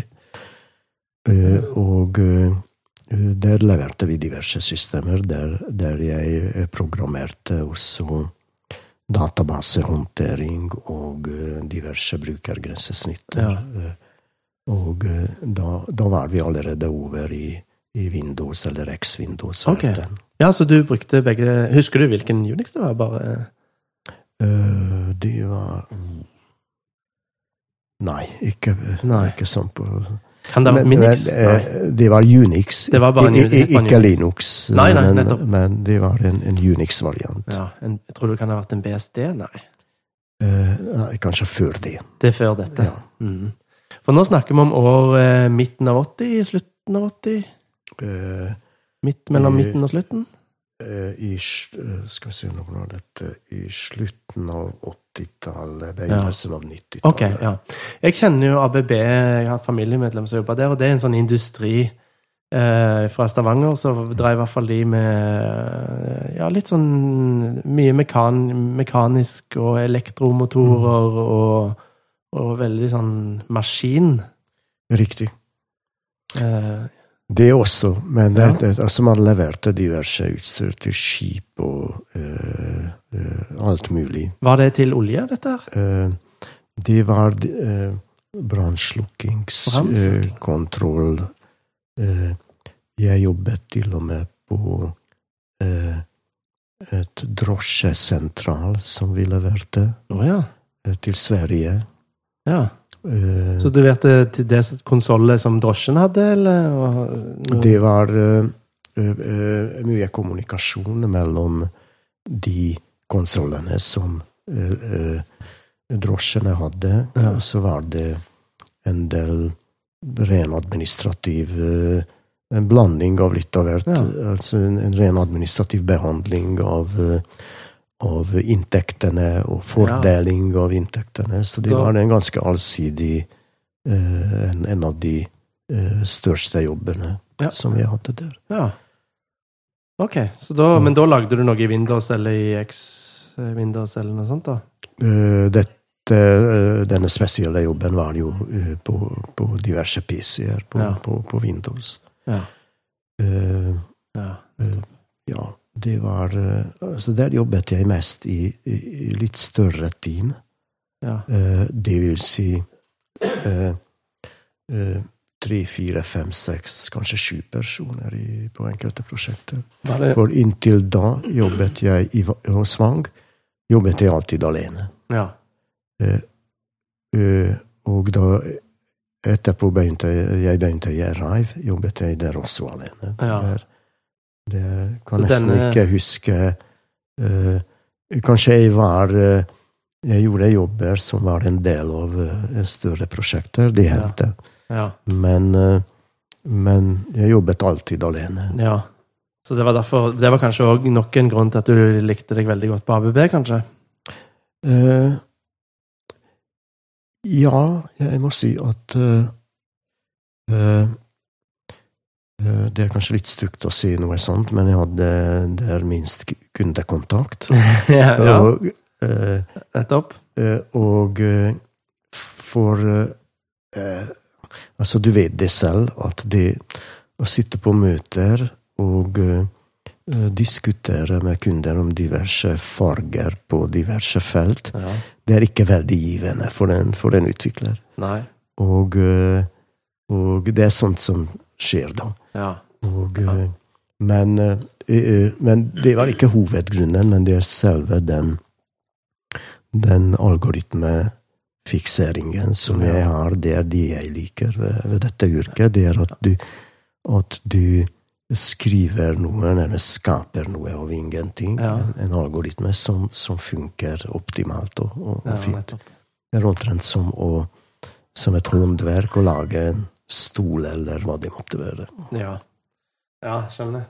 Det, det, det hørtes veldig typisk ut noe en matematiker kunne sagt, på en måte. Tror du det har med matematikkbakgrunnen din å gjøre? at det gjør? Fordi nå til dags så føler jeg at mange Dette har jo meg og deg snakket om før. At liksom, som utvikler òg, så, så føler jeg at en setter òg pris på eh, at kunder blir veldig fornøyd med det du gjør, og rask leveringstid, og at de kan se resultater fort. Og det er noe som jeg føler blir satt mer pris på nå, nesten, enn at det ligger noen gode koder under det. Det, driter de jo i, faktisk. Mm. Nei, e- egentlig er jeg enig med deg, og det, dette kom med en viss modenhet eh, hos meg etterpå. At eh, selvfølgelig eh, skal man lage systemer som tjener kunden, og, Ja. og, og, og de skal bruke den, ellers er det dumt. Det Ja, sant. Eh, Ja. Så eh, jeg kom dit hen, altså på slutten av min eh, yrkeskarriere. Eh, men dette ble en, eh, en rekke fornemmelser kom sammen. At du blir, for det første, at du har i, i de 35-30 årene Du har eh, kanskje vært borti en 20-talls, eh, kanskje enda flere programmeringsspråk. Ja. I en eller annen Eh, grad. Eh, riktig. Ja. Og masse sånne hyper som du etter hvert oppdager at de har vært litt meningsløse. ja. Og at gjennom disse programmeringsspråk du lærer sånne ting. At her setter du en eh, semikolon, og her setter du en komma. Og det, du begynner å innse at, eh, at det er litt dumt å, Ja. å, å, kunne sånne ting. At eh, disse kan jeg heller slå opp. Og, og Ja. eh, selvsagt når du har en viss erfaring i, i, i, i faget, og så kan du, kan du frigjøre deg litt fra eh, fra den eh, den Når du har disse fingerferdighetene, Mm. så kan du heve deg litt. Grann. Og det var først da du kan komme dit hen at, at du At du eh, begynner å tenke med kundens hode. ja. Uh, og og det, det har jeg også oppdaget. Det, det vil jeg nærmest definere som en paradigmeskifte for meg, det også. Det opplevde jeg hos Erai da jeg laget de, Ja. de ting som jeg uh, Systemene som jeg skrev for NSB. At, uh, og det er litt morsomt at du ser inn i eh, et annet yrke, Ja. og at uh, eh, eh, hele suksessen av ditt arbeid er avhengig av i hvilken grad du klarer å overta den tankegangen som er gjeldende der. Ja. Businessreglene deres og Ja. krit- suksesskriteriene deres, da, som Mhm. bestiller softwaren fra deg. Ja. Riktig. ja, det kan jeg skjønne at det er et paradigmeskifte, og ja, det, det ser jeg. Det ser jeg. Og uh, Men tro, Ja. ja. Eh, ja, hva skulle du Nei, jeg skulle bare si at eh, jeg parallelt med dette så, så begynte jeg å, å, å tenke eh, på en eh, i en litt minimalistisk retning i mitt eget fag. Eh, eh, at å kutte ut alle disse rammeverkene Ja. og alle disse ting som du må eh, Du må lære ofte litt forgjeves, fordi at etter to-tre år så er de, er de borte, Ja. og at, eh, eh, og at du må eh, Du må alltid arbeide Kommer til et punkt der du, der du må arbeide deg rundt de Ja. begrensningene som de rammeverkene gir, og da eh, Er dette noe du føler du har tatt med fra Java-verden, eller kom det i C-tiden òg, føler du? Nei, dette kom først i, i, i Java-verden, men Ja. dette har med, jo med, med den tid å gjøre som Ja. jeg har tilbrakt i, Ja. i, det, i dette yrket. Kunne, kunne komme, kanskje komme tidligere. Ja. Riktignok uh, uh, når, når vi snakker spesielt om C og C++, Ja. så er det jo ikke slik. Det, det er ikke næringslivets språk. Nei. Så der kommer du ikke helt bort i den, den problematikken. Nei, for det er ikke en sluttbruker som skal se resultatet ditt. Er det det du mener når du sier næringslivets språk? Nei, jeg mener eh, at i eh, eh, Jeg mener bare det jeg sier, at, at C er ganske teknisk orientert. Ja. Det er ikke et veldig produktivt programmeringsspråk når, Ja. det, når det gjelder næringslivet. Å ja, så du lager ikke sluttapplikasjoner der, føler Eh, du? eh, Ytterst sjelden, Ja. og eh, kun når hastighetskravet og, og Ja. eh, tilsier, eller noen, noen få andre forhold. Men det, ja, du lagde Du sa jo at du drev med mikrokontrollerprogrammering på APB. Var ikke det C, C der? Jo, det var C der, Ja. men det er, det er det jeg kaller for en, en teknisk type Ja, okay. programmering. Ja. eh, og den andre, den mer administrative typen, som er gjeldende i dag i næringslivet generelt. Altså 90% av, av det vi ser, er jo uh, uh, det. Men uh, det Jeg vet ikke om man bare kan tilskrive dette til et enkelt programmeringsspråk. Fordi det er ikke Java sin skyld at, at det er slik, men at weben uh, Snakker du om rammeverk nå? ja. ja. At det er ut, utstrakt bruk av rammeverk? Er det det? Riktig. At ja. det er helt andre forhold nå, ja. og, og en, en, fullstendig distributiv type programmering. Og, og det, det, er, det, er egentlig det som bringer frem dette, dette kravet, pluss at det yrket som jeg begynte i den gangen, det var ett yrke, det var databehandling, og, og that's it. Og i dag snakker vi om kanskje et hundretalls vidt forskjellige yrker. Som de som eh, Selv om alle programmerer, ja. men de som, la oss si, programmerer en, en kommunikasjonsløsning, ja. har vi antagelig lite peiling på. Ja. I, I, hvert fall sånn umiddelbart. Ja, så har du Android-utvikler og web-utvikler eh, og database, DBA-er og Nettopp. Ja, du har mange typer. Og dette har jo Dette er jo det som for meg og August, vi føler jo at vi er, jobber veldig mye med Når vi jobber mye med web og, og, sammen Litt sånn som du hadde det hos eh, NSB.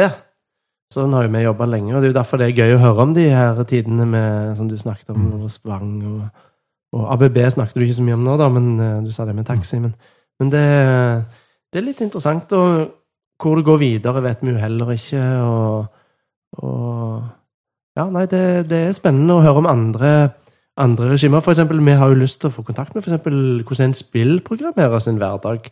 Sitter han og mm. kompilerer og så kjører opp spillet på maskinen sin? Mm. Men vi har ikke peiling på mm. alle de her alternative virkelighetene som, som finnes. da. Mm. Det er interessant. Riktig. Eh, pluss at eh, selvsagt maskinvaren og eh, de komponentene du har til rådighet, påvirker også veldig mye. Altså det, den gangen var det når du skulle gjøre flere ting på en basis så måtte du drive med en sånn interrupt-handling. Ja. At du, du måtte liksom stoppe prosessen på en måte, og så hoppe over til en annen, men så måtte du mellomlagre status, den fysiske status, i, i maskinens registre. Dette var for å få til Dette var jo egentlig for å få til multithreading, eller Ja, en sånn, til... en sånn kvasiparallell ja. uh, håndtering. Ja. Uh, det, det, var jo ikke ekte multithreading, da. Men, nei da. Men, du måtte uh, gjøre det sjøl. Du fikk ingenting fra operativsystemet? Nei, nei, nei. Så sånne teknikker er jo fullstendig borte, selvsagt. Ja, er, heldigvis, for det er jo kjempevanskelig. Threading er jo vanskelig til og med når du ikke må tenke på alle de tingene, syns jeg. Da jeg har i hvert fall erfaring med at eh, det er klart at det, det, det oppstår eh, helt nye problemstillinger. Ja. Hvem som har eh, data, og hvem som har endret ja. den, og hva er status der. Og... Så krasjer det, og hva var det som skjedde? Nettopp. Ja, det er Nettopp. vanskelig.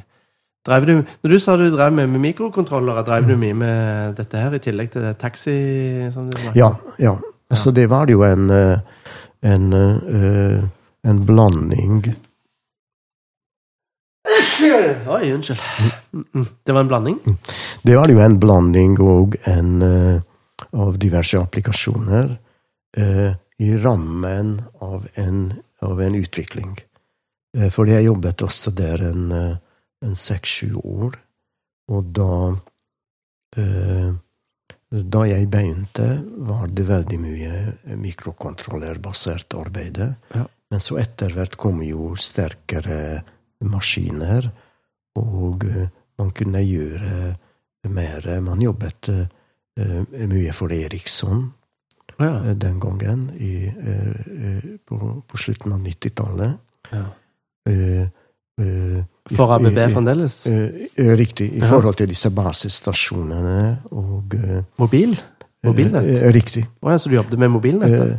Utbygging. Eh, ikke direkte. Jeg, da, da jobbet jeg mest i bakgrunnen for å, for å håndtere, ta imot disse data og, okay.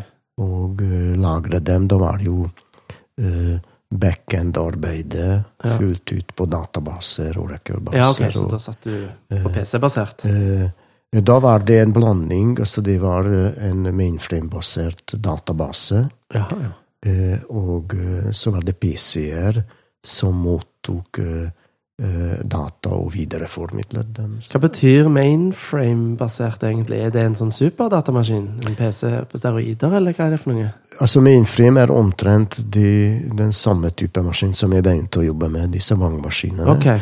som, som har terminaler, ja. og som har en, en, en mye større regnekraft, selvsagt, som en PC, og Ja, som, som kan betjene et par hundre terminaler. Så de ble brukt fremdeles til å liksom være datastorage, egentlig? En, en disk, på en måte? Altså, det, Så vidt jeg vet, så er de mye brukt. eh, Altså Forsikringsselskapene bruker bankene. Mener du nå, eller da? Ja, nå. Nå òg? nå, nå Ja selvsagt. Altså, tenk bare på disse transaksjonshåndteringene. Innbetalinger, utbetalinger. Eh, Det må jo eh, foregå på mainframes. Det er snakk, eh, Ja. snakk om så enorme datamengder. Ja, hvis ikke clouden har klart å ta den behandling, databehandlingsmengden, det Ja, jeg aner ikke. Det går vel så sikkert sakte med peiling. Jeg. Jeg har ikke satt meg veldig mye inn i, i, i cloud, Nei. men hadde jeg vært en, en, en bank, Ja. så ville jeg vært litt skeptisk til å, å legge virksomheten ut i, i, i cloud. Da, da er du nærmest eh, maktesløs eh, hvis det skulle skje noe. Oi, nå må du passe deg at ikke du er en av de som lo av overgangen til PC. Som Eh. sitter igjen og ler. Ja. Nei da, jeg vet Eh, Nei, Altså, nå har cloud kommet inn. Hvor lenge siden er det du gikk av med pensjon? eh, det begynner å bli Dette var det i midten eh, av sommeren på 2015. Ja, for cloud det- Det var vel cirka da cloud eh, Nå føler jeg det helt, tar helt av. Nå skal alle ha det. Men eh, 2015, da tror jeg kanskje ikke det hadde tatt helt av, nei. Nei, Nei. det har nok ikke. Nei? Men det er klart at, at det, er, det er omtrent som at tiden frøs for meg da, Ja. da Jeg har bare eh, Selv om jeg programmerer litt grann, eh, nesten nærmest daglig på, bare for, for moro skyld ja, nå, du gjør det nå? Jeg gjør det, ja. Men, men jeg har lært ytterst lite. Eh, Jeg har satt meg inn i MongoDB og eh, HTML5 og Ja. CSS og eh, ting som jeg aldri hadde egentlig tid til å, Nei. til å fordype meg inn i. Eh, man kunne gjort mye eh, mer, Ja. mye enklere, om man hadde hatt tid og ikke bare lærte ting bare inntil det punktet at du, du kan begynne å bruke det. ja. Så du syns det var mye jag på slutten på NSB? Siste årene av karrieren din? Jeg vil, jeg vil ikke si det, men det er klart at jeg hadde blitt eldre, og Ja. Som vi snakket om uh, uh, tidligere, off-luften, Ja, ja. Så, eh, så er det kanskje fremdeles litt uvanlig, men spesielt i min tid, at, at noen løper, løper fullt ut, som jeg gjorde, og, og, Som og går- utvikler. som utvikler, var det jo ytterst sjelden. Altså Ja. da, da jeg var eh, eh, yngre i bransjen, så de, de som rundet 40 Ja. de gjerne sluttet som utviklere, ja. og uh, uh, ble sånne småsjefer og, Ja. og, og, og, lignende. Og eh, det er klart at spesielt for konsulenter så jeg merket at, at jeg jobbet jo eh, mange, mange år som konsulent. Og det er klart at det er litt slitsomt, fordi du må hele tiden sette, inn i, sette deg inn i nye ting. ja.